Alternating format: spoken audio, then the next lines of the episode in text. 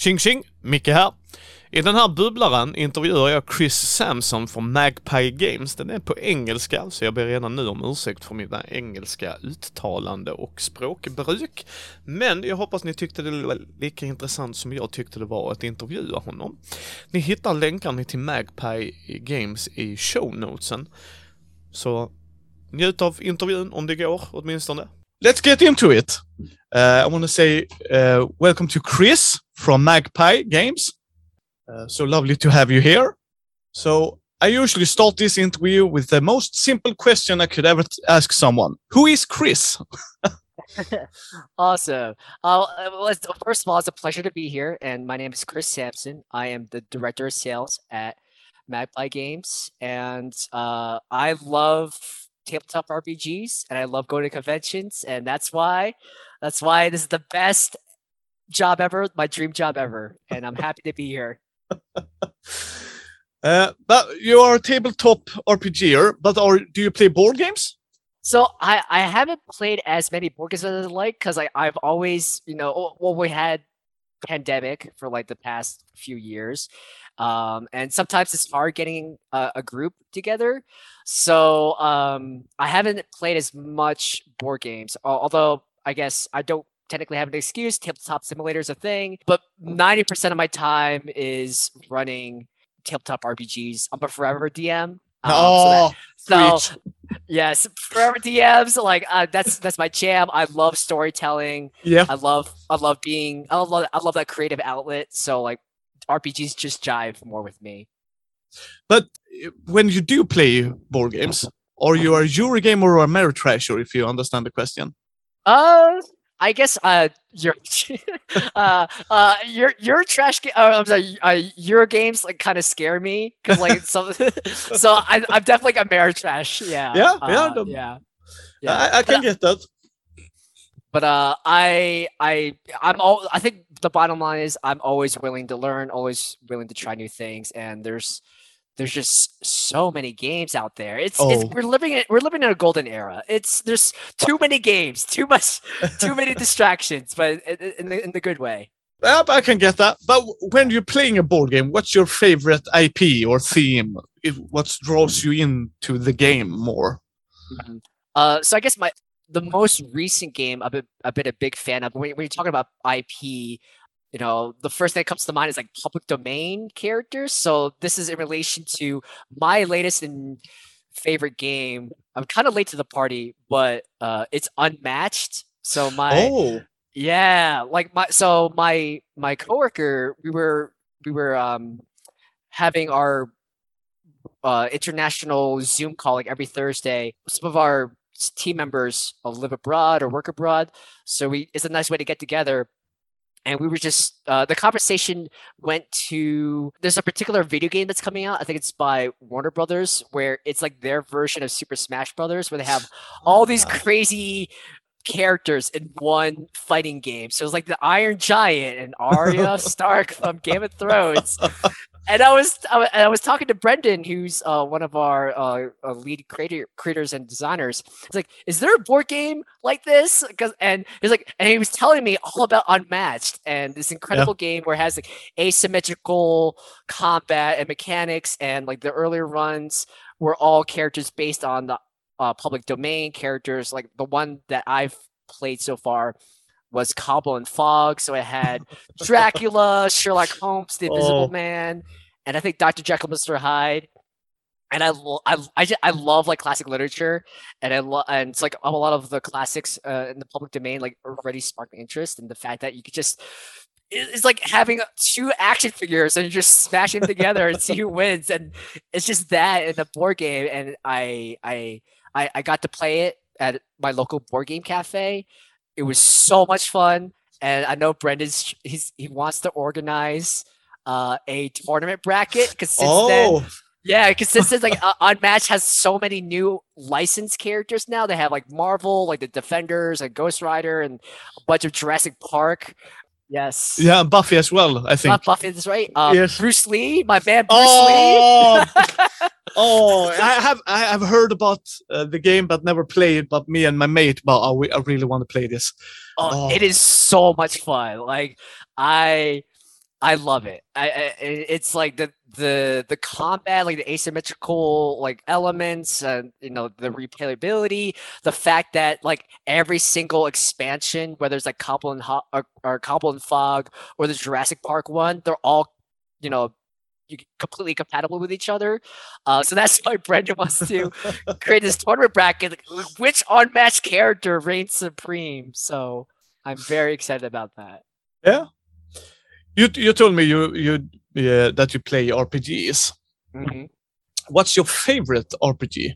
My favorite right now is fifth edition. Although I'm expanding my horizons, I have copies of Alien RPG by Free League, Mörk Borg, uh, the oh. new Call of Cthulhu 40th anniversary starters that just came out, and um, uh, it's just a matter of like just making the time for for new systems. But uh, oh, even like Cyberpunk Red, uh, oh. big fan of that IP.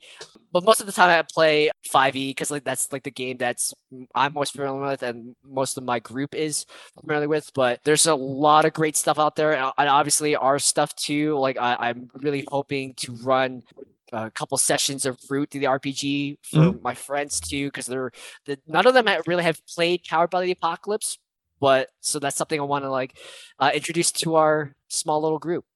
Yeah, uh, but when you when you do play your RDGM, are you there for the role playing or for the mechanics? What's your favorite part of the uh, RPG? Uh, definitely the role playing. Like I, I, I, I just it, it comes back to me like I had I have like this deep well of creativity and I, I need to like have an outlet for it.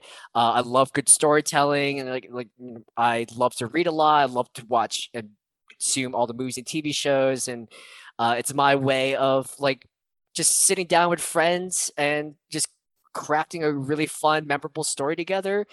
And um, yeah, like I I just I love crafting a great story and like the the one feel it just happened for the first time like maybe like a month ago where I'm running a Curse of Strahd campaign, oh. and for the first time ever, it was this really deep emotional role play conversation with my players, and I made them cry because it was oh it was and I was like yes I did it achievement unlocked. I was like oh it was. Uh, like, I know the feeling. I know the I feeling. uh, I'm uh, editing uh, our second season of Gotham's Rescue. My mates are playing in Gotham, a world without Batman. Oh, and, yeah, and um, they made me cry many many times. Uh, uh, I mean, it's the emotions. I agree with you, Chris. Amazing. You had me at Batman. I need, yeah. I need to like binge Gotham. this sounds awesome. yeah, it's. Uh, I've I've been told that I give people emotions that lasts and give them hard choices because that's what I love about RPGs that we can explore what you're gonna do if you meet. I mean, what what are you gonna do if you uh, go up against the Joker? Are you gonna kill him because he's gonna escape again and he's gonna kill again? That's his whole mo. Uh, so I I'm with you. And Curse of Strahd is a beautiful campaign. Oh, oh I love it. I and I I I love Curse of Strahd in particular because it it it just it's just set up in the way where like the replay value is just infinite. Like because mm. whether because of how you set up uh Strahd, what what eh, or or even the Tarokka deck, you know, it, it, it's completely randomized. Obviously, you can stack the deck and uh, if that's your mo, but it can be completely random. And um, you know, I I joke with my friends, I could probably run Curse Strahd for the rest of my life because I wanted to do it with set in the world of Innistrad from Magic the Gathering or set oh. like uh Curse of in like an urban fantasy setting or you know and it's it's I love it and I uh, love yeah. Gothic horror. Yeah, me too, me too. That's why I that that that's one thing why Batman is my favorite uh, all-time favorite comic book hero because it's just gothic and horror and emotions when Jason Todd dies when he came c- comes back at Red Red Hood uh, the struggle with the Joker and everything about that. And one thing I really particularly loved about Curse of Strahd is that you have you can either railroad it if you have that particular group of players that want to do that, or you can have an open open world. But it's like uh, World of Warcraft but without the little warning text about the the skeletons. So uh, when we I, I played it, I never DM'd it. Uh, I was a player at that one. I think about the third meeting, four of us have already died once. we, we went really, really was well. Nope, this is not a good one, good area. Let's go to the other. And I Yeah. really, really thought that was so interesting that you could have both styles of play, either railroad it or open, open world. Go wherever you want, but you're gonna have hardship. Yeah, i- yeah, it's uh, I've I've heard Strahd been described many times as like a sandbox with high Mm. walls, and and some areas are like definitely high level. You're level one. You, sh- you, you shouldn't you shouldn't go to the Amber Temple at the end. Uh-huh, yes, yes, Fritz, we did that mistake. But oh crap! I Uh, mean, it's memorable. I mean, oh, there's a death slad here in the catacombs. We should run. and and I remembered uh, uh, we ne- the the group I played was not uh, power power players at all. They weren't uh, interested in that at all. But the third character dying, we all changed tactics. We, we're gonna need a life healer. We're gonna need a druid. We're gonna need a sniper. We're gonna need a barbarian. And then it was a cakewalk for us because we've learned Yeah. from our mistakes. So yeah, and I, I, I- I think uh, a Curse of Strahd allows you to make those or learn from those mistakes. Learn from those mistakes in an interesting way, like with the dark gifts. Like you can accept the Mm. dark gift and you revive, but like part of your soul's corrupted, but you have these Yeah. really cool powers. So yeah, I love it. Oh, I Yeah. can talk Strahd for days. Yes, yes, me too, me too. One of my favorite campaigns ever played. Uh, he, the the GM really stepped it up, and it was really interesting. And we had oh, amazing time because it was so many many different story in one story because it was just one thing. You do one thing, but no, no, no. We're meeting Baba Yaga or we're meeting something else. I oh, amazing, amazing campaign. Yeah. Really good job. I love. Yeah. I have the coffin edition as well. Yes, the the, Uh, the limited the edition. I, I I'm such a big fan of Strahd. I got both the deluxe coffin edition and the Beadle and Grimm's legendary. yes, yes. because like you ha- it has all like it has physical maps of the entirety of Castle Ravenloft, like little finger puppets of, of like Oh. Blinsky's toys, and uh, it's like I need it. I need. yes, me too, me too. Uh, what's your favorite mechanic in RPGs? A mechanic you think uh, is really, really enhancing the gameplay for you? I, I guess like can I can I gi- ask you to give me an example while I'm trying to I'm clearly trying to Uh, stall. yeah, yeah, no, no problem. Uh, I love. I'm a rules light play, uh, DM. I use the rules, but if they don't help me, I'm here. I don't. I'm not Mhm. interested. Uh, but um, sometimes it's how you uh, do combat, or it could be an interesting way of uh, conflict. I mean, in uh, Apocalypse World, you have your checkboxes. I think that's really interesting. If you check this, this happens and stuff like that. So it could be something like that. It could be Okay. straight a D20 as well if you really Yeah. enjoy that. Uh, I mean, obviously, I, I think I obviously I'm kind of biased towards uh like D and D five E because like I love using D twenty. I will say like um as I'm you know learning more about PBTA, especially within the Magpie Games ecosystem, where uh, all of our games are based on that system. I really like how the two D six system is always it's like failure forward or always story forward. Yes. So so like even if um even if you roll really poorly on your 2d6 roll uh with one of your moves, like it's not it's never not like a natural one in D&D No. Pathfinder where like you just fail outright.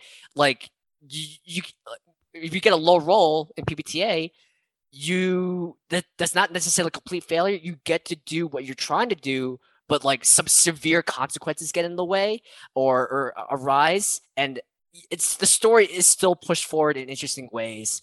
You know, and I love that mechanic. I, and I think that's again appealing to me as someone who's uh I, I do like crunch i do like mechanics but i'm also focused more on how the story moves forward how the story creates opportunities for players to explore more about their own characters or relationship with others. And i think that that fail forward system with pbta is really interesting and i i um i think that's probably one of my favorite uh, newer types of mechanics that I've just been really drawn to as I'm learning more, as I'm playing more of Avatar, playing more of Root. Uh, e- even with Zombie World, Zombie World uh, establishes that similar type of system. Instead of dice, you do it with with cards.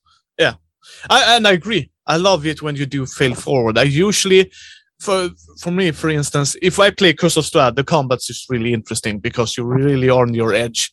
Oh my freaking lord! If you roll a bad roll there, you're you're toast. Mhm. Uh, we had a we had an instant there where the, I, I was playing a druid and we had a life cleric, and he was one HP for insta death. Oh, oh yeah, the DM was really mad at him because for those who haven't played D and D, a life cleric is. Do you want heal? It's like Oprah Winfrey of healing. You get a HP. you get a HP. Everybody. I, I mean, it's Exactly. ridiculously.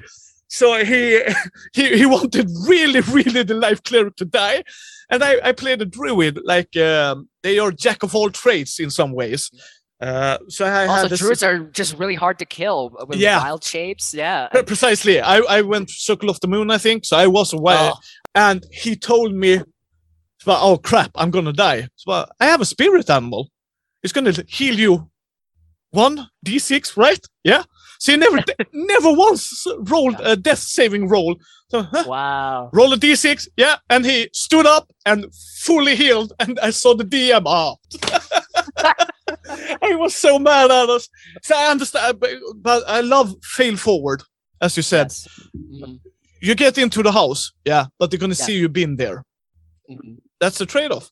You, You're gonna get the connection to the room, but you're gonna hack the computer. Absolutely, they've seen you. You leave traces behind you. So I, I, I, agree. I love Yeah. because it never stops the stories. I don't like systems who uh, uh, that do- does that because then the story dies. But oh, sorry, you rolled a one. You're not gonna get in here. Yeah, Uh, you can't do anything this turn, uh, Oh. or or you injure yourself, or something terrible Yeah. happens. Yeah. or you shoot your friend in the foot. Okay. Yeah.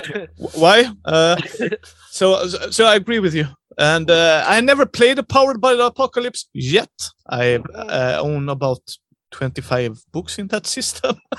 I never got to play it yet, but I agree. It's a really good mechanic. What's your least favorite mechanic? A mechanic that you don't prefer? least least favorite mechanic. Uh, I need to stall again. Do you have yeah, sorry. uh, no, no, no problem, no problem at all. I think when you have to roll for everything, if the if the Oh. if the games tells me they should roll for this, this, this, this, this, this, I'm not a role player. I, I'm not. I don't. I'm not there for rolling all the dice. I love Mm. the dice because it's a randomizer. It's a tension builder. But I want to do it in my uh, pace and when I feel it's comfortable. I usually do that as well, but I'm trying to. First time I ever play a tabletop RPG, I'm trying to play it how they intended it to be played to get my own Mhm. feel for it. But then I house rule always. I mean, I always house rule. That's how I do. But that's one of my least favorite ca- mechanics or uh, combat system that. Oh, I've read. Uh, have you read the, the Witcher RPG from uh, Green Ronin Publishing? Oh, is, so this is before it, it transferred to uh, R. Talsorian games. No, sorry, Uh, sorry. No, it's the, it's that one. Okay, Sorry, I, yeah. I'm ge- always Uh, confusing I've- the companies. I'm reading through it. I haven't had a chance to play it yet. it's simulating a computer game and I really hate it because that's not Oh. what I want to do. Because they have, Mm. if I hit you in the arm, we're gonna roll an armor save for your arm. About what? And then you're gonna lose armor on that arm, uh, on the on the armor piece. So then you have to go to a a blacksmith. I'm about, no, no, stop, stop, stop, stop. I never ever play an RPG when I count arrows or how many times you struck with a sword because it's too much bookkeeping. Uh, you know what? You're you're you're hitting what my like I guess I know for some people, especially for uh for fans of like super realistic, like hardcore type, like you got to keep track of every single arrow, every single component, like all encumbrance and stuff. And I'm like, uh, that's a lot of that's a lot of uh, bookkeeping and math and Yeah, I just I just want to move the story forward. Like Yeah. so I think that's probably that's probably a similar answer. Yeah, I, I Yeah. agree. I, I love that there are systems like that for people who love the crunchiness, the math, and the Mhm. bookkeeping and the tactics about it. But I'm there for the story, so it just hinders me more than helps me. Yeah. So and, then- and there's always only so much bandwidth a, a time in a day like how much your brain can handle Yeah. like i i i i want to look at the big picture stuff and like so like and so the all the mathy crunchy like bookkeeping uh it's like uh that's why i love that's why i love pbta there's not a lot of those charts or graphs it's just two dice that's it Yeah, I agree. I agree. What's your favorite memory from the hobby? favorite memory okay so uh i would say um i'm f- I, i'm fairly I, i've been playing rpgs you know since uh, like 2001 but there was periods of time where i haven't been playing or just life you know it just happens. But uh i've been playing nonstop um like since 2018 uh, especially during the pandemic you know when everything shut down.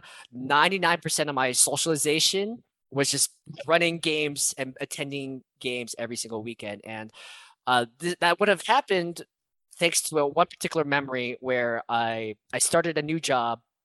Uh, i was uh, I, I live in or met my games and i live in um, uh, new mexico but i used to live in pennsylvania. And um, one of my coworkers uh, at my previous job happened to be a really big d&d fan as well. So um, out of the blue um he invited me to be a, a a DM for a an epic. So for those who don't know what an epic is, uh D&D has organized play events. They have a specific league called the uh, D&D Adventures League. Uh this is where uh, they create specific organized play events where you could jump in with any character within that's legal within the rules. You can hop in and hop out. There are uh, there are essentially one shot adventures, uh, and uh, each of these adventures takes place within a specific campaign or season. So you could have a season devoted with to the world of Strahd or the latest release. I think it's the Wild and the Witchlight. Um, so when I when he invited me to, to DM at an epic, which is a super tier adventure where it's not just one table playing adventure, it's like as many as 25 tables, all playing the same campaign or same adventure.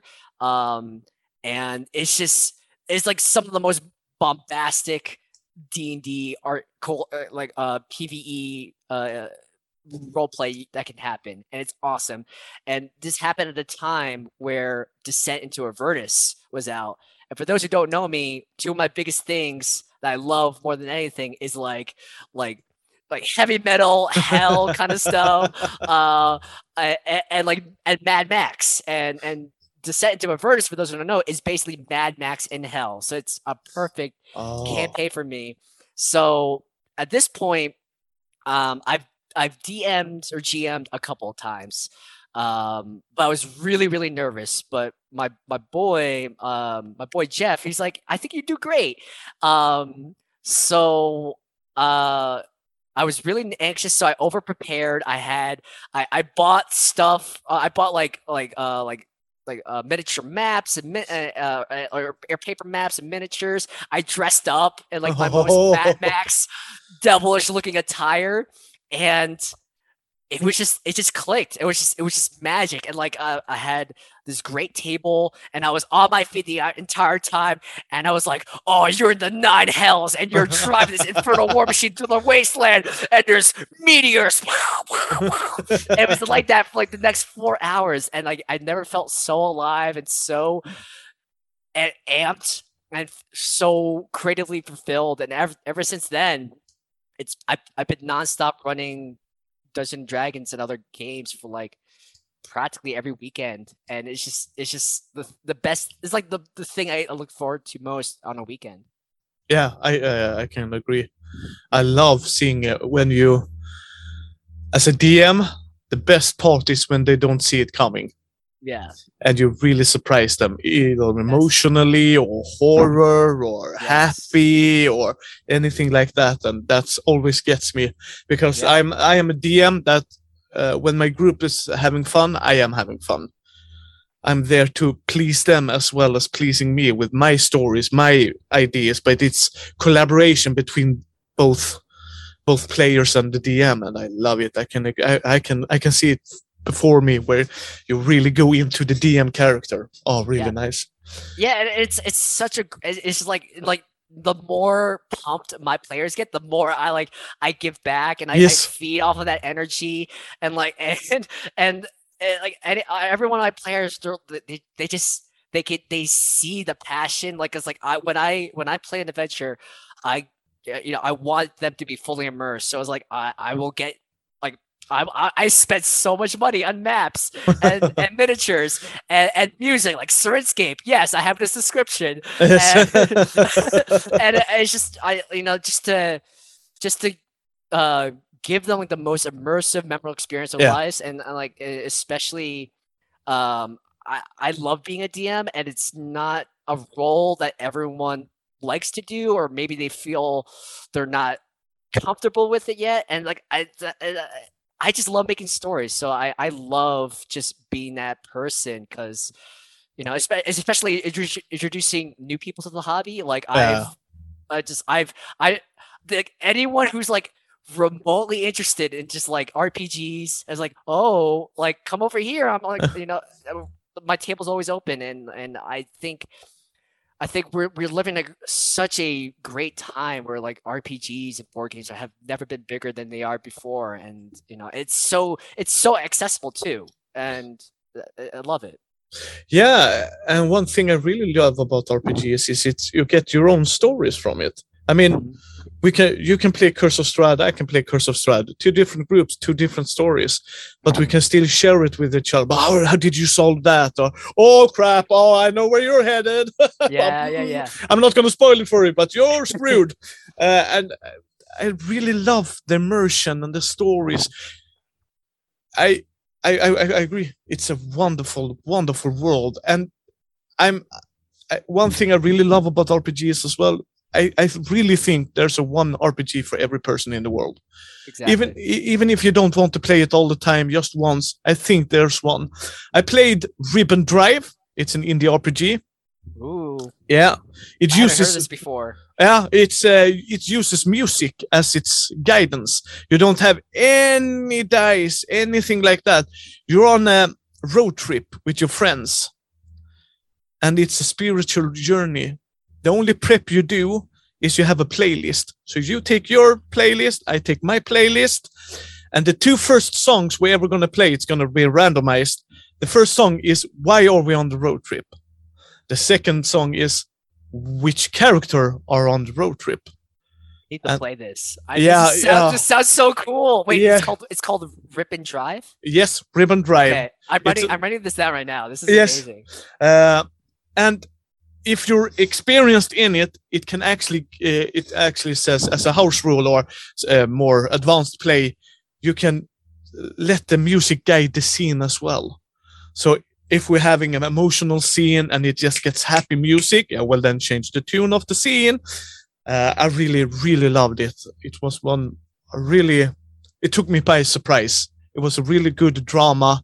We had the problem is you can't do an actual play about it because it's using real music. So, heh But for It's play, a home game kind of situation. yes, precisely. But it's brilliant Wow. because I love music. It's uh, I mean I I'm a truck driver at day, so I, am usually either podcast or music.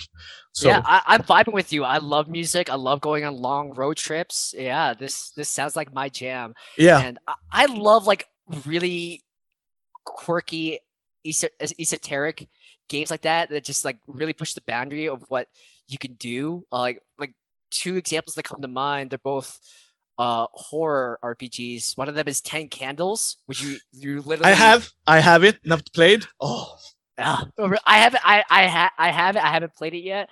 Um, similarly, uh, there's another horror RPG called Dread, which Yeah. uses Jenga. yeah, Uh, I have Jenga it as pieces. well. Ah, yeah, so uh, many RPGs, so little time. yeah but I, I really I, I- concur. Uh, it's really really fascinating how different game mechanics can get you a different feel. Uh, I have a.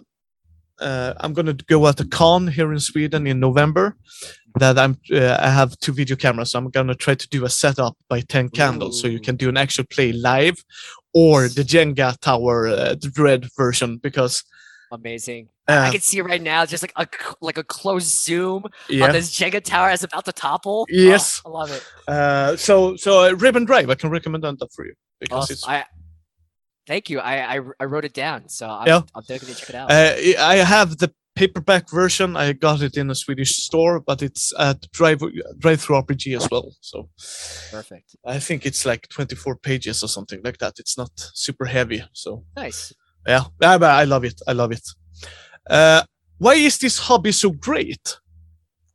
I think I, I think it's because, uh, like you said before, there's there's literally something for everyone.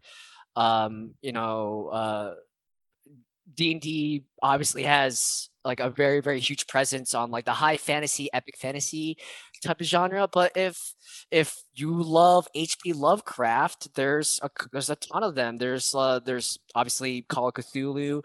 Um, there is uh, like you want some more modern spin on like cosmic horror. There's what's it called? Uh, Delta Green. Yep. Um, if you want, um, so if, for for example, if you want, if your favorite show is Avatar: The Last Airbender, like you know, later this year, there's a we're- have the official RPG coming out, and I uh, you know a testament to that. Like uh, I know on the kicks the original Kickstarter, we had like twenty thousand people who backed the, the project and never backed a project before, let alone wow. like, a ta- like let alone like a tabletop RPG project. And it's like it's just like the like it's just the power of storytelling out the power of how strong that that IP is and like people have been so hungry about it for like a decade. I mean now now like avatars everywhere. We have uh the RPG coming out, Avatar Legends. We have the Netflix show that's being filmed right now. We have not one, not two, but three new animated movies coming out Yeah. like within or from now to 2024. Um so there I- think there's there re- truly is uh in terms of like content like there's uh something for everyone. And i think there's also like i said accessibility. It's uh, uh obviously it's so easy to enter the space. If you if you don't have a gaming group around you there's roll 20 there's the Mm. brand new oh demiplane. Um uh, I, I know I think Vampire the Masquerade has their own like fusion uh, version of Roll Twenty and D and D Beyond, which which has like community building elements as well. Uh, uh, so like the internet, the internet made things so easy to access.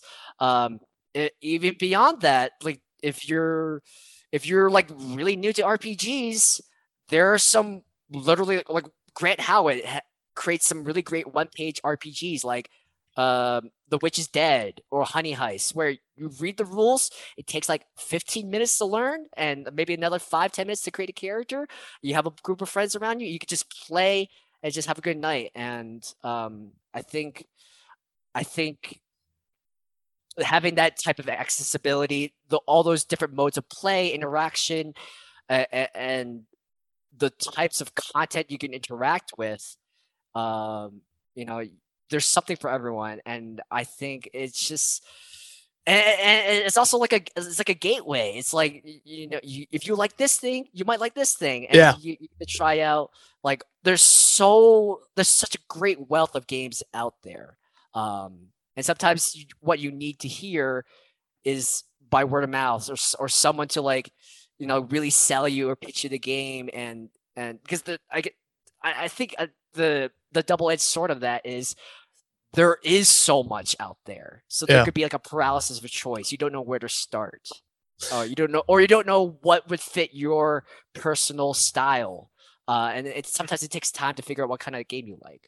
Yeah, I can agree. I can agree. That's why uh, I do the first impression or a YouTube channel because I want to show people what do you get when you get the ca- what what do I get when I buy this product, and sometimes people who have uh, HDD or something like that they don't like the layout of a game. They really love the setting, but oh, I can't read that. That's not going to help me.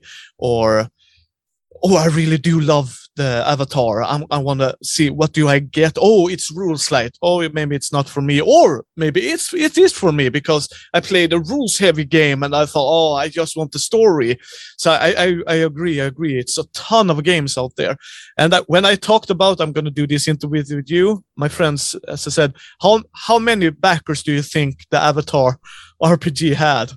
And Uh, he and he told yeah, and he told me, oh, like 20,000. Uh-uh, not even close. It's about 81,000. About, say what? How many, how, how much money do you think they got? Uh, like $2 million. Nope, not even close.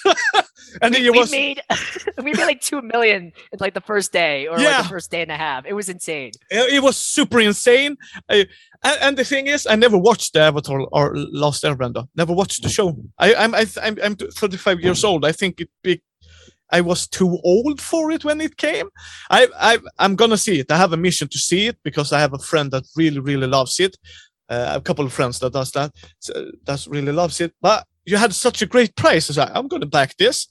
Then one of my closest friend, Amanda, uh, she turned 30 this year, and she said, "Wait a minute, you love Avatar: The Last Airbender, right? Yeah, my one of my favorite shows, favorite villains of all time.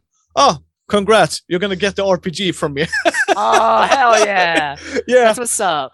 Yeah. Um, I, I well, what's great is uh, it's never easier to access Avatar Legends because the entirety of uh the original series and the Legend of Korra is all available on Netflix. Uh, so you you just you spend spend a month to binge everything. yeah, yeah. Um, I'm gonna, I'm gonna. It's it, it's on my bucket list. yes. I have never watched Buffy as well, so that's also on my bucket list. I'm gonna. Mhm.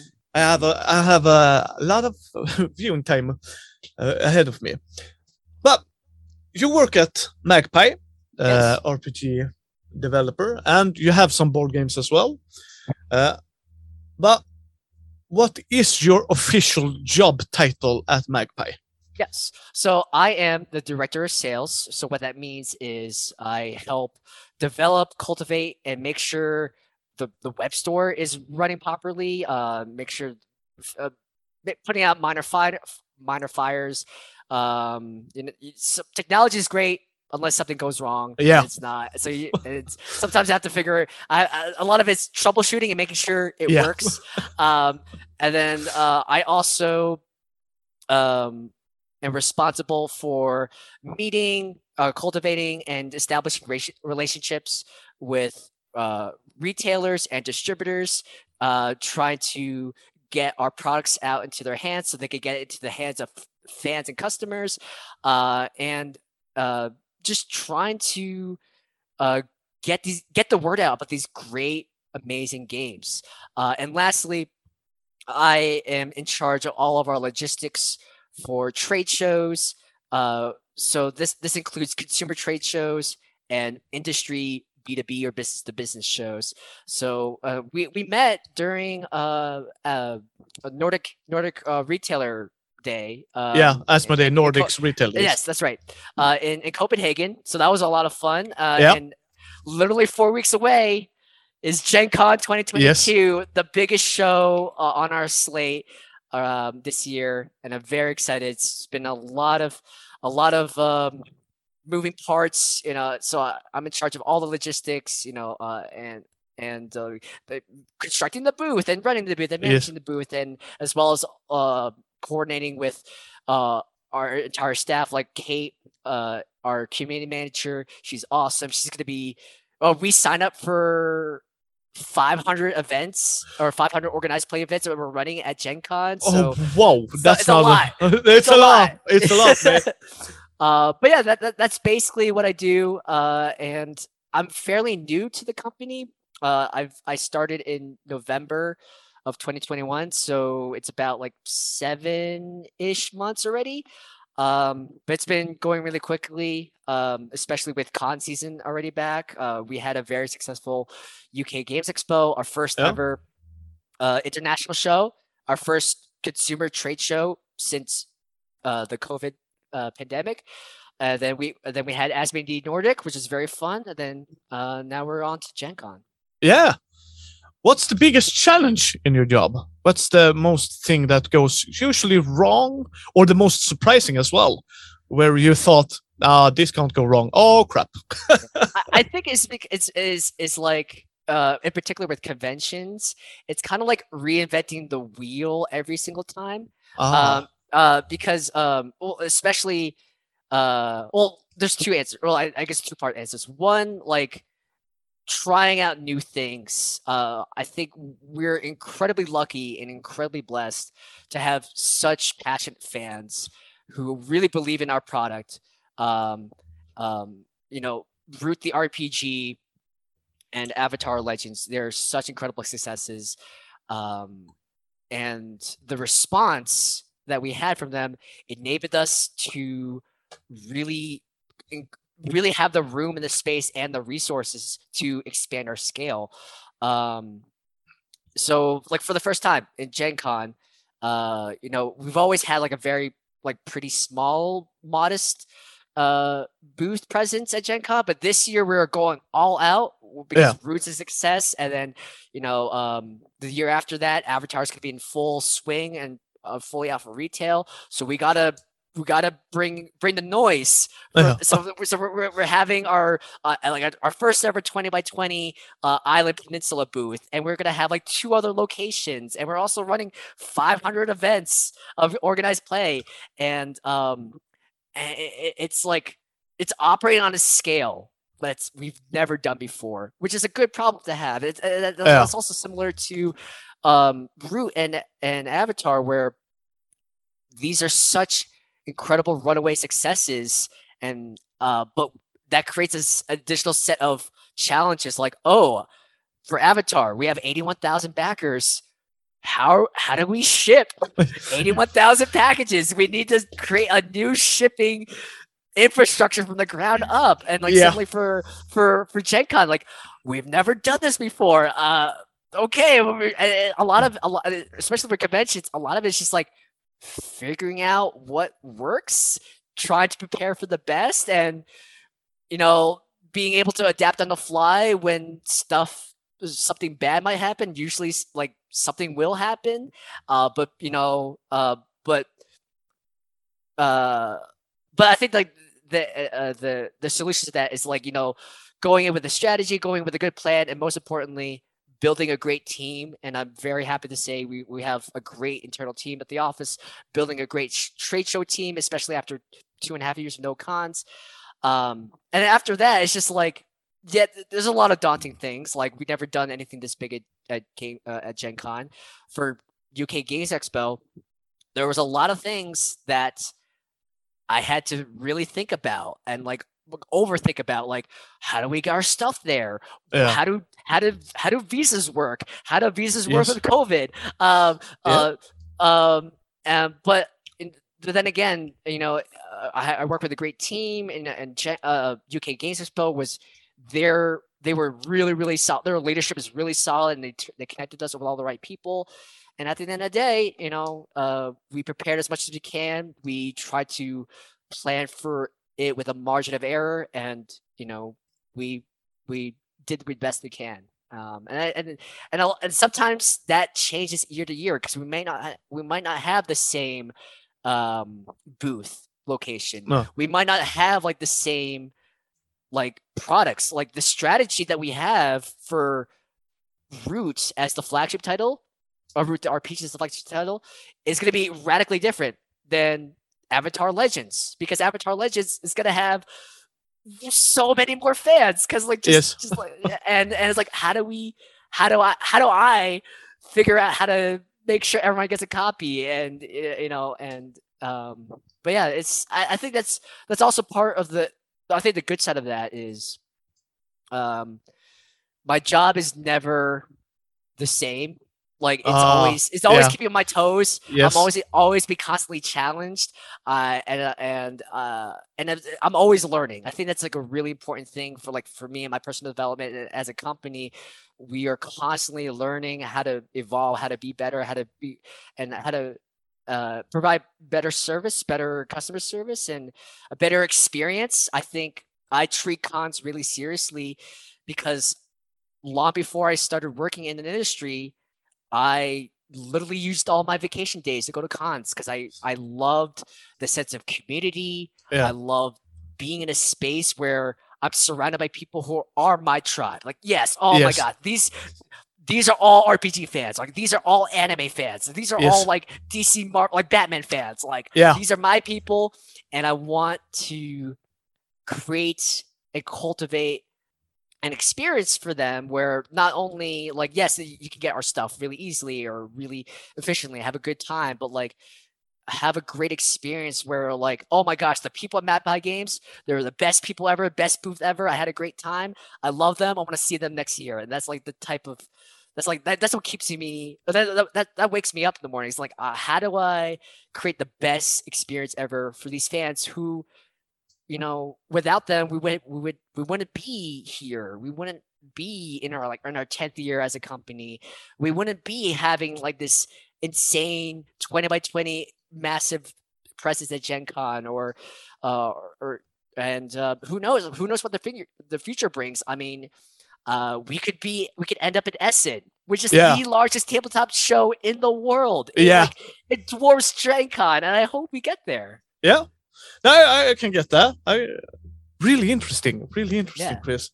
Yeah. Um, but Magpie have used Kickstarter for some of its products. Mhm. Why? Why do they choose that? Also, why? Why is that a preferred method? I think it's because um we we want to I think we're we really us or us and ourselves we really believe in a project.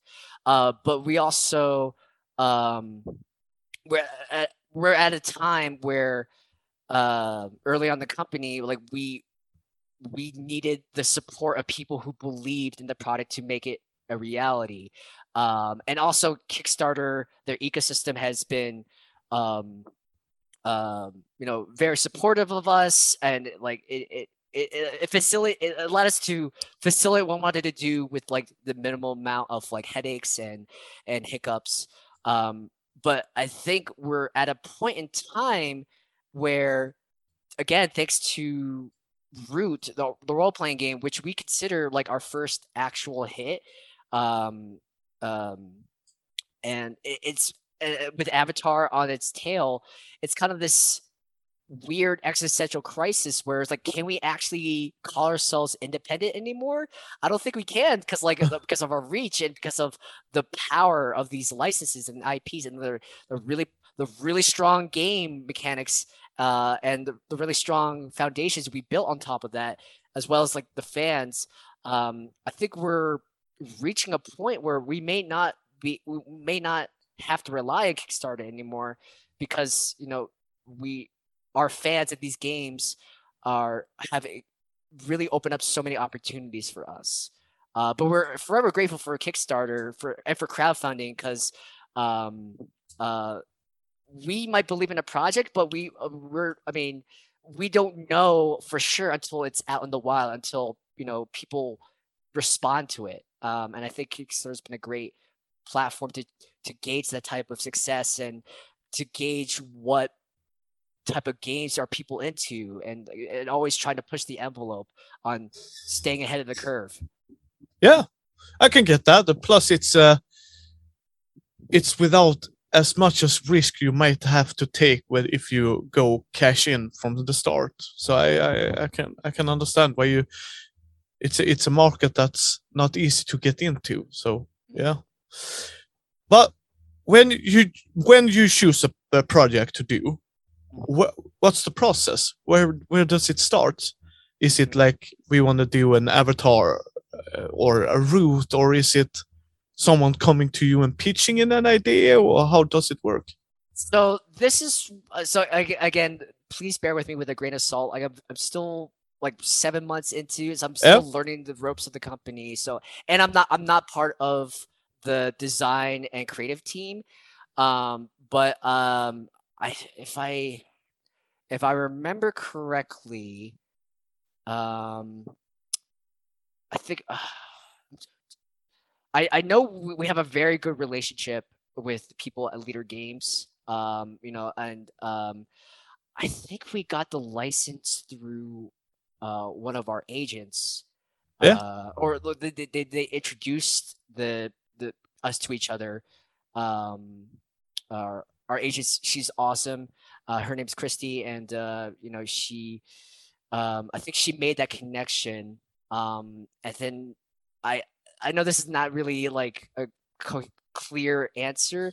No, but no problem. No I- I- problem I at think, all. I think the folks at Leder Games, you know, they they really believed in um, you know the, the type of games that we make. Um, you know, prior to this, uh, we like some some of our biggest hits were um, and still continue to be like Masks, a new generation, uh, our long running uh, teenage superhero RPG.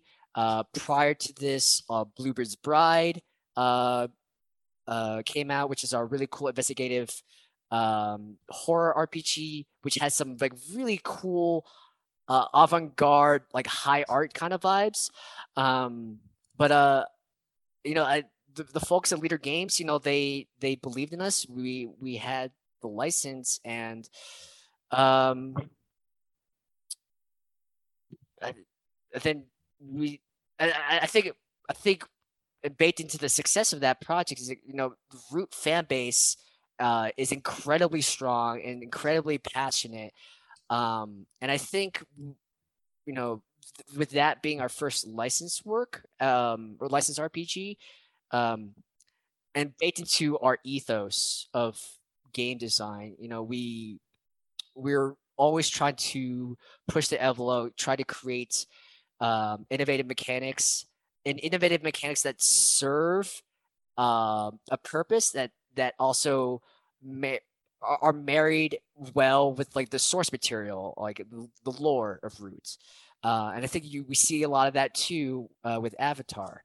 Um, uh, I'm not sure if that 100% answers your question, but um, I I, I think it, it it comes down to we want to create projects that highlight voices and highlight types of stories that haven't been seen before. Like a good example of this is uh, one of our newer releases, Cartel. Uh, it's a tabletop RPG that allows you to create your own uh, piece of narco fiction. Mhm. Uh, like, so if you're a fan of Breaking Bad and Better Yeah. Call Saul or Sicario, you play as a key member of this drug cartel. You could be the cook. You could be the strange partner who doesn't know their their their their spouse uh, is part of the the drug trade. You could be an enforcer for the cartel, and like and um, but that's an incredibly niche uh. Uh, like like subset of genre as opposed to like epic fantasy or Tolkien t- type of fantasy, but it's something that really really isn't out there and it's also like a, a passion project for our co-founder mark and um but it it it's it's yes it's a game but it's, it's also a piece of art we try to create both Yeah. and uh and like that's an incredibly interesting thing like a piece of fiction that you can interact with and create your own stories on um and sometimes like games rise up just kind of you know at, by accident like the, Yeah. the, you know, like the, the story the, the, the story that I, I that always cracks me up is um you know for for one of our one of the few games that we have that's not um a tabletop rpg is wizard kittens which is a semi-cooperative uh card game where you play as a bunch of cute magical kittens and, and it's it's so cute so friendly family friendly. But kind of how it started uh, we were trying or uh the, the main senior staff um they were trying to figure out the the the project pipeline for i think i think it was like in 2019 and um, marissa our art director she kind of as a joke said um or they, they were kind of like struggling or they're trying to like they're just drawing blanks of what to do next. Um and marissa's like wizard kids? And everyone was like tell us more. And so so that and then and uh just because of that you know that random idea we chased whimsy and uh, that was marissa's baby. She was the uh, like uh, she worked on the design and like all the artwork. And it's one of our best selling uh titles um you know we were selling them like hotcakes Yeah. at UK Games, but I, I, I, it always cracks me up. Like it's like Wizard Kids. Like, yes, that, it's perfect. Like do that. uh, do you have play testers at Magpie that play test both uh, the card games or the RPGs, So how does So- that work? so we we do we we uh we design in house and we also publish and manufacture uh, it so uh we do do playtesting in house uh just in the couple uh, it was like two weeks ago or three weeks ago um uh i was uh participating in a avatar legends playtest Oh. for uh so for some uh additional playbooks and it was it was uh, um um it was my only time only my second time playing avatar legends. Uh you know sometimes you know when you even if you work for a tabletop gaming company sometimes you don't have time to play games. You Yeah. because like we're always moving but I, I that was a very fun experience. Um you know uh when i first started in november i think it was like week one or week two um of when i started work uh, i got to do a play test of root the role playing game um and that was a lot of fun um and so yes that's a, long way of saying yes we we we do play test internally um um i'm not 100% sure if we do playtesting like outsourcing um i get it's not so much my avenue and, and Oh, yeah, i'm still no. the company but we definitely do testing in-house Yeah. Yeah, no, no, no problem, no problem. Uh, we have many people. What's the process? Because I think people lose track of this sometimes. Uh, we have a product, Root or Avatar or some other product, but we have it. It's it's printing ready. yes But many people forget that it's just because it's printing ready, it's ready for the printers. Mhm. It's not an always a smooth ride. yes it's always complications or it's I mean anything can go. So I, I think you of all people know that. But Oh, what's yes. what is the process? We have a finished product. It's it's ready for the printers. How does that process uh, usually looks uh, usually go go about? So, um, so w- when the project is wrapped up, you know, uh, we like a good amount of the the content, um, you know, is written already or is it's in progress already, um, you know, but the the Kickstarter uh, affords us uh, the resources to take it home. Um, and so, for example, for like Avatar Legends, um, Avatar Legends um, is the fastest project we have ever done from start to completion. Um, I want to say Avatar Legends, when it's out for retail, it, it would have taken us like 13, 14 months to um which is in term like just for comparison that is extremely fast uh, Yeah. for an rpg um so for avatar I- know there's a great many people who are probably listening right now who are very anxious wanting to know where's my book? We i i i assure you we hear you. Um and you know so when the the the kickstarter is finished you know we we still have to um complete the book. We have to proofread it. It goes through so many revisions. Thou like like just on we want to make it perfect because like the worst thing that could happen is you know like you know there's a small error or maybe there's a big error and we printed out 80,000 books and the and and we can't we can't take that risk uh in terms of financially or in terms of like uh of our of our of our commitment to the fans. Like we want to make the product we won't release the product until we know it is ready it is perfect we are proud and happy with it and um we want to get the book out um to to you because it's such a huge project and uh, people want it but we also want to make sure we ourselves are happy with it and that takes time and uh, especially with a big license like Viacom or even with Leder Games, especially for licensed works, um, you ha- we have to run everything approvals all throughout them, Mm. which also takes additional time. Um, yeah, uh, so uh, you know, I'm really happy with you know uh, Liz. Our, she's our uh, project uh, manager for Avatar.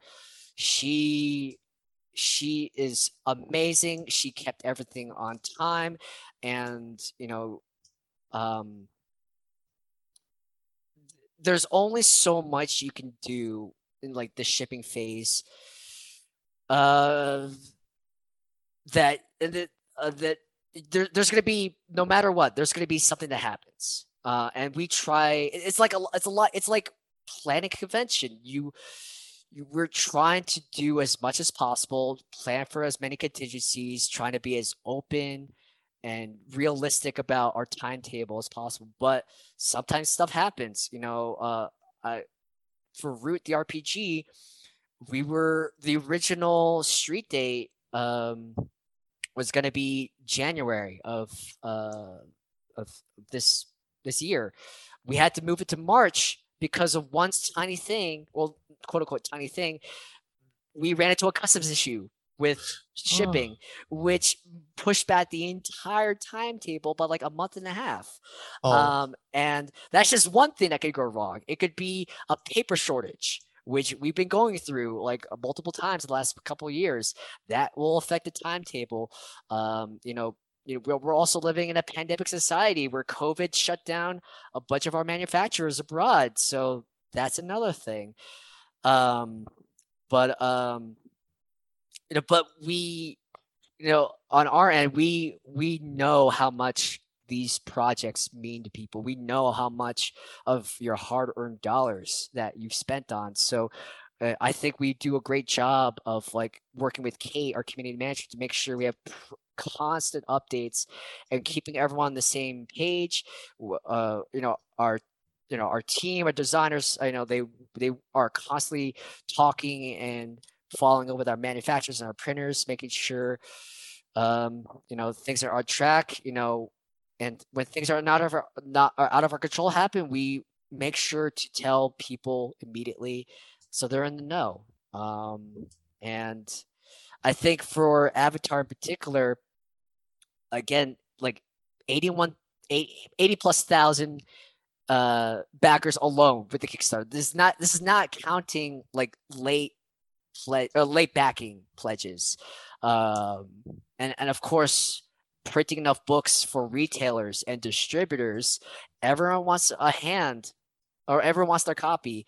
Um so the the shipping infrastructure did uh, to the scale that it is it did not exist before. We had to like literally create the wheel from scratch trying to figure out how do we ship this many packages? What like how to uh, and um yeah it's it's a lot of a lot of our what we do as we as we move along is like tr- we find a new problem.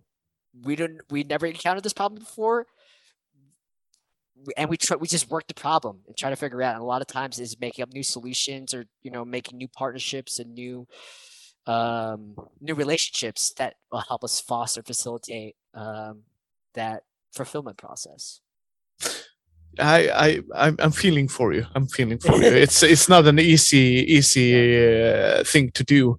I mean, uh, I, it's unheard of. I think in, for tabletop RPGs. I mean, definitely 80, 81 plus, plus late backers or like me adding to my pledge. I mean, Yeah. it's just, uh, I, oh, Jesus, Jesus it's a, Christ. it's it, it is a very intricate and complex logistical web that we're Hmm. constantly trying to unravel. Uh, but you know, you know, part of the reason we can do what we could do is because the project was so successful, and the fans have been so great and supportive, and and and you know, and we're doing our due diligence as well. Like we've tried, we've as fast as humanly possible. We got out the first PDF.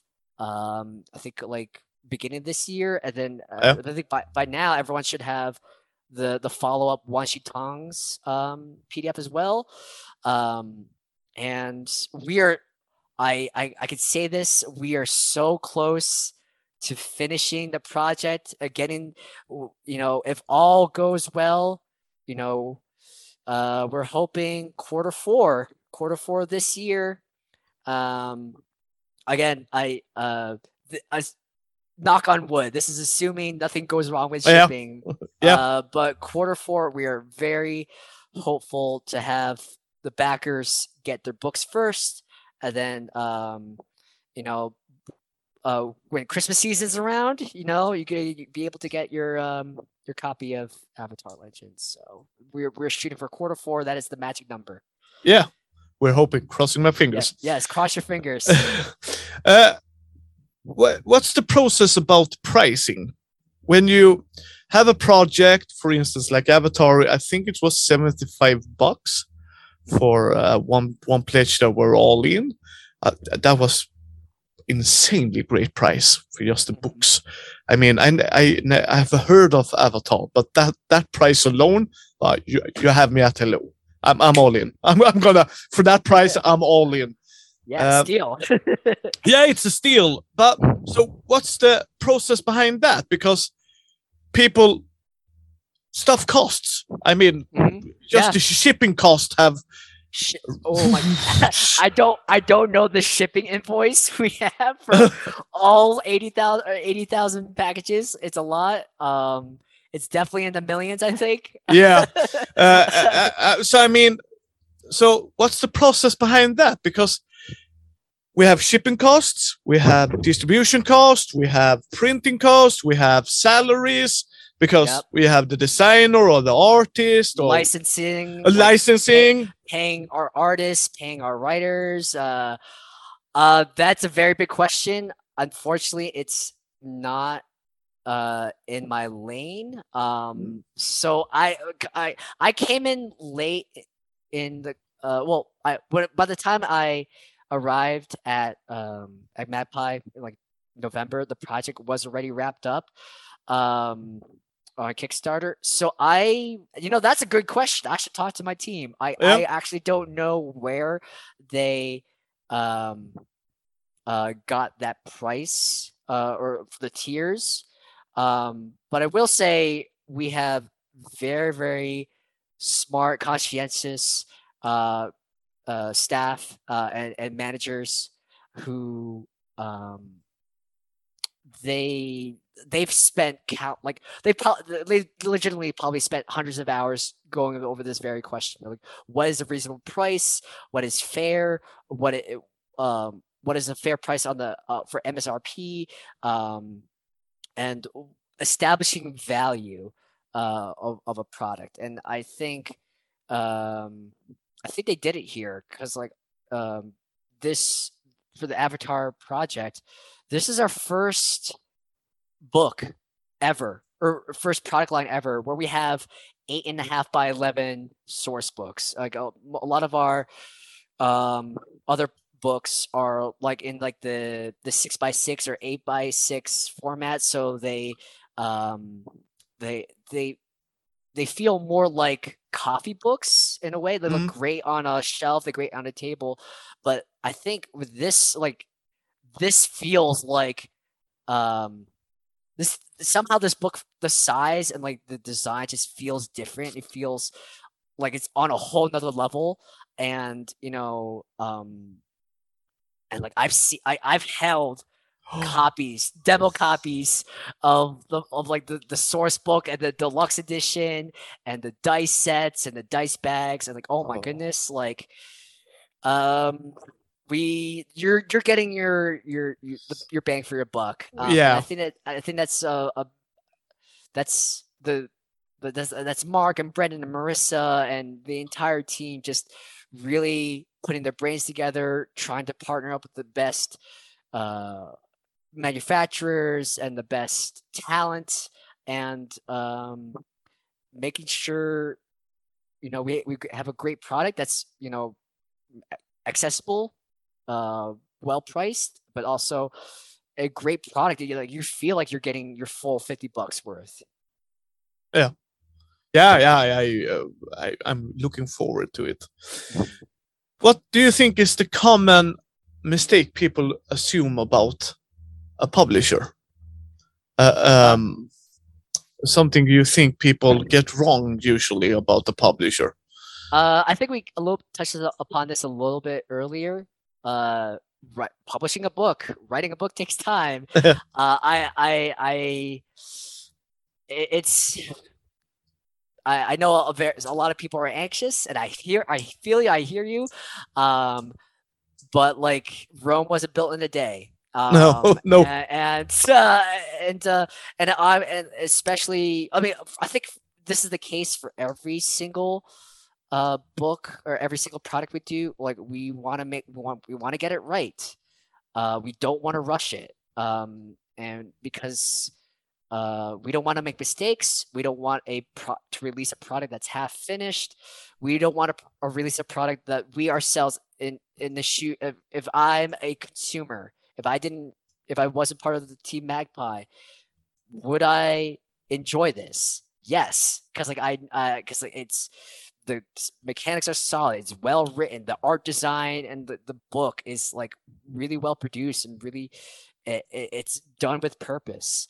Um and um there's we worked with incredibly talented people. There's always only so much you can do in the day uh, and we want to get it right. And especially especially for licensed works we also want to make sure that Leder Games and viacom and nickelodeon uh, we are you know producing a work that is uh, worthy of their IP, especially for something as big as Avatar and as big as Root. You want to make them proud and make them happy, uh, and make the fans of those happy because, like, uh, you know, those those two particular IPs, um, they have a, a very very passionate fan base, and we want to we want to nail it right. And uh, it's just it, it, it just publishing just takes time, and you know, I think the worst sin of all is just releasing a product that is not the best that we could be or the best quality could be. Yeah, I feel you. I feel you. What's in the pipeline at Magpie? What's coming Yeah. out next? Yeah, so again, like all hands are on deck. We are sprinting to the finish line to finish up um uh Avatar Legends. Uh, we hope it will be out uh quarter 4. Um you know, assuming everything goes okay, there's no rude awakenings. If not that, then we could say with confidence that it will be out quarter 1 2023. Um uh, after that, we still have some. Oh, I'm sorry. Um, um, I cannot give an exact uh, retailer street date because we haven't established it here at the office yet. But um, uh, we are in the final phases of printing and manufacturing uh, for uh, La, La, La, La Pasión, our our telenovela romance uh, tabletop RPG. So if you love like Spanish soap operas, uh, that is your jam. Um, that should be. So I, I don't I don't want to like you know say something and, and like get called out for it, but like uh we don't have a exact retailer date, but we are close to finishing that project too. Very excited about uh, very excited to get that out in the wild. Um, I would say if not like end of 2022, early 2023, that will be available for everyone. Um, uh, I know Mark uh, and the other um, writers and developers, they're hard at work uh, on Urban Shadows second edition. Um, so we're working on that. Th- um, and um, there are some other projects we can't reveal this time, but um, we definitely have some newer projects um, in the pipe. There's one in particular that I am so incredibly excited about. um, if you're a fan of of Zombie World, uh, we're doing a uh, which is a an all-in-one tabletop RPG um, that's uh, uh, it's like, it's, like an RPG in a box. Instead of using dice or charts, everything's used through cards. It's like it mixes tabletop RPG with deck building elements. Really cool. We're doing a, a project similar to that, but instead of zombies, we're da- we're tapping into my favorite like movie genre, like sci-fi space horror. So like Alien Oh. or Event Horizon or um, Annihilation. Um, you know, I, I, think um, you know, space and sci-fi has like a it's, it's, it's there's like a really strong presence right now to tabletop space for it. Mhm. Like like uh, what's it called? Mothership, uh, Death in Space. Uh, those are the two biggest ones I can think of right now. Oh no, I'm sorry, Alien the RPG, duh, Yes. by free by Free League. So we we're coming out with something spacey and sci-fi of our own. So I cannot wait uh, to um, uh, for that project to uh, come to light. It's we're still very very early in that development. Um, it's, it's, it's, a, it's a project called Airlock. Oh, looking forward to that. Looking forward to that. Uh, the last question: Three tips for someone who wants to publish a game. Three tips. Um,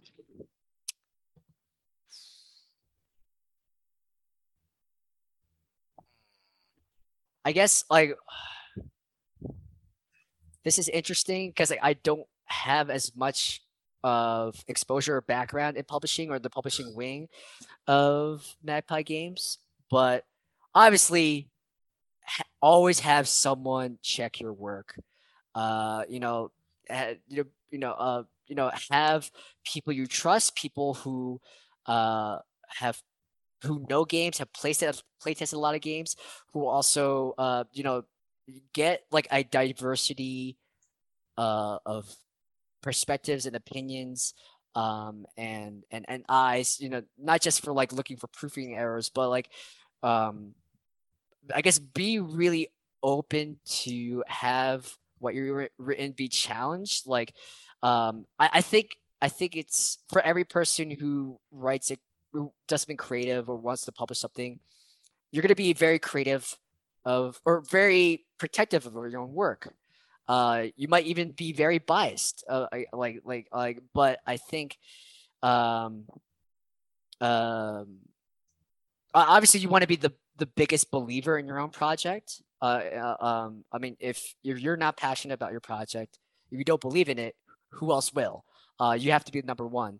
Um but i think being open or ha- having like trusting uh, ha- surrounding yourself with like people you can trust and people who uh are uh that can give you like really good honest constructive criticism and feedback. Because you know you, at the end of the day you can choose which pieces of feedback to act on but at least you're having perspectives outside of yourself to challenge yourself to make a better game or or maybe you didn't consider something. Like oh this mechanic i okay i i, I didn't consider that maybe i'll tweak it and then you you it's like the scientific method you know you you, have a theory you test it and you draw conclusions from it and you keep refining it refining it until it's something that you feel it's solid on your two feet um i think that was one or one and a half uh, um i guess um hmm. I'm drawing a blank. I I I I I think for me, um, like I would lo- I I I would love to publish myself, but I just don't. I generally do not have enough experience yet. But I I guess like I, I guess that's my second point. Like do your like do your homework. Like like like just read what's out there. Uh, read what's been what's what's been done. Um, and uh, there's so many games out there. There's so many different types of mechanics. Uh, there's so many different types of systems, especially if um, if you're not trying to create your own system. You know, I got to toot my horn for Powered by the Apocalypse. It's an open source system where you could take the base game and tweak it towards your own ends. You know, that's that's given us a great degree of flexibility and dynamic dynamic racism uh, for our games. You know, um, and uh, yeah, so just check out what's out there. Like, stay up to date with what's going on with the industry, and um, you might find inspiration in that. Um, and I guess like the last piece for publishing is um, uh, I guess at a certain point, um, you know, um, you can refine the game as much as you want, uh, but at the end, you gotta you gotta like get to a space where you feel comfortable, and you just gotta move on to the next step. Like, uh, uh, um, like setting like I guess setting hard deadlines or realistic deadlines um, and and sticking to them and sticking to those goals and sticking to those milestones um, because I, I like I would love to um, you know write my own one shots and have it published on DM Guild because like I that's something I GM all the time. Then the next logical step, I just want to write my own adventures. But this is a problem I do have, like where I over obsess on like the details and I like I like my deadlines get pushed back and back because like I'm always like tr- like changing stuff and like at a certain point if um I think there's a there's a value in finishing a project. Like finish do the thing finish the project uh and move on to the next. And, and when you look back on your previous publications you're you're you're going to be constantly growing as a creative as a publisher as a writer as an artist. Um, there are things you're going to probably hate about your or probably dislike or maybe you wish you did different on your previous project but at least you're you have that self-reflexive perspective. Hindsight's 2020 and you just you just take what you learned and do it to the next project. Like i think uh so just just finish your projects close that deal and just move on to the next one. And i think it's over time you're to build that skill set. You're to build you're to develop that vocabulary of what works and what doesn't. And um and and also you're building a portfolio at the same time um which i think is also important. Yeah. Yeah i agree i agree have a have a vision try to visualize it and but then do a make it to a reality as well. Uh, a really really good tips.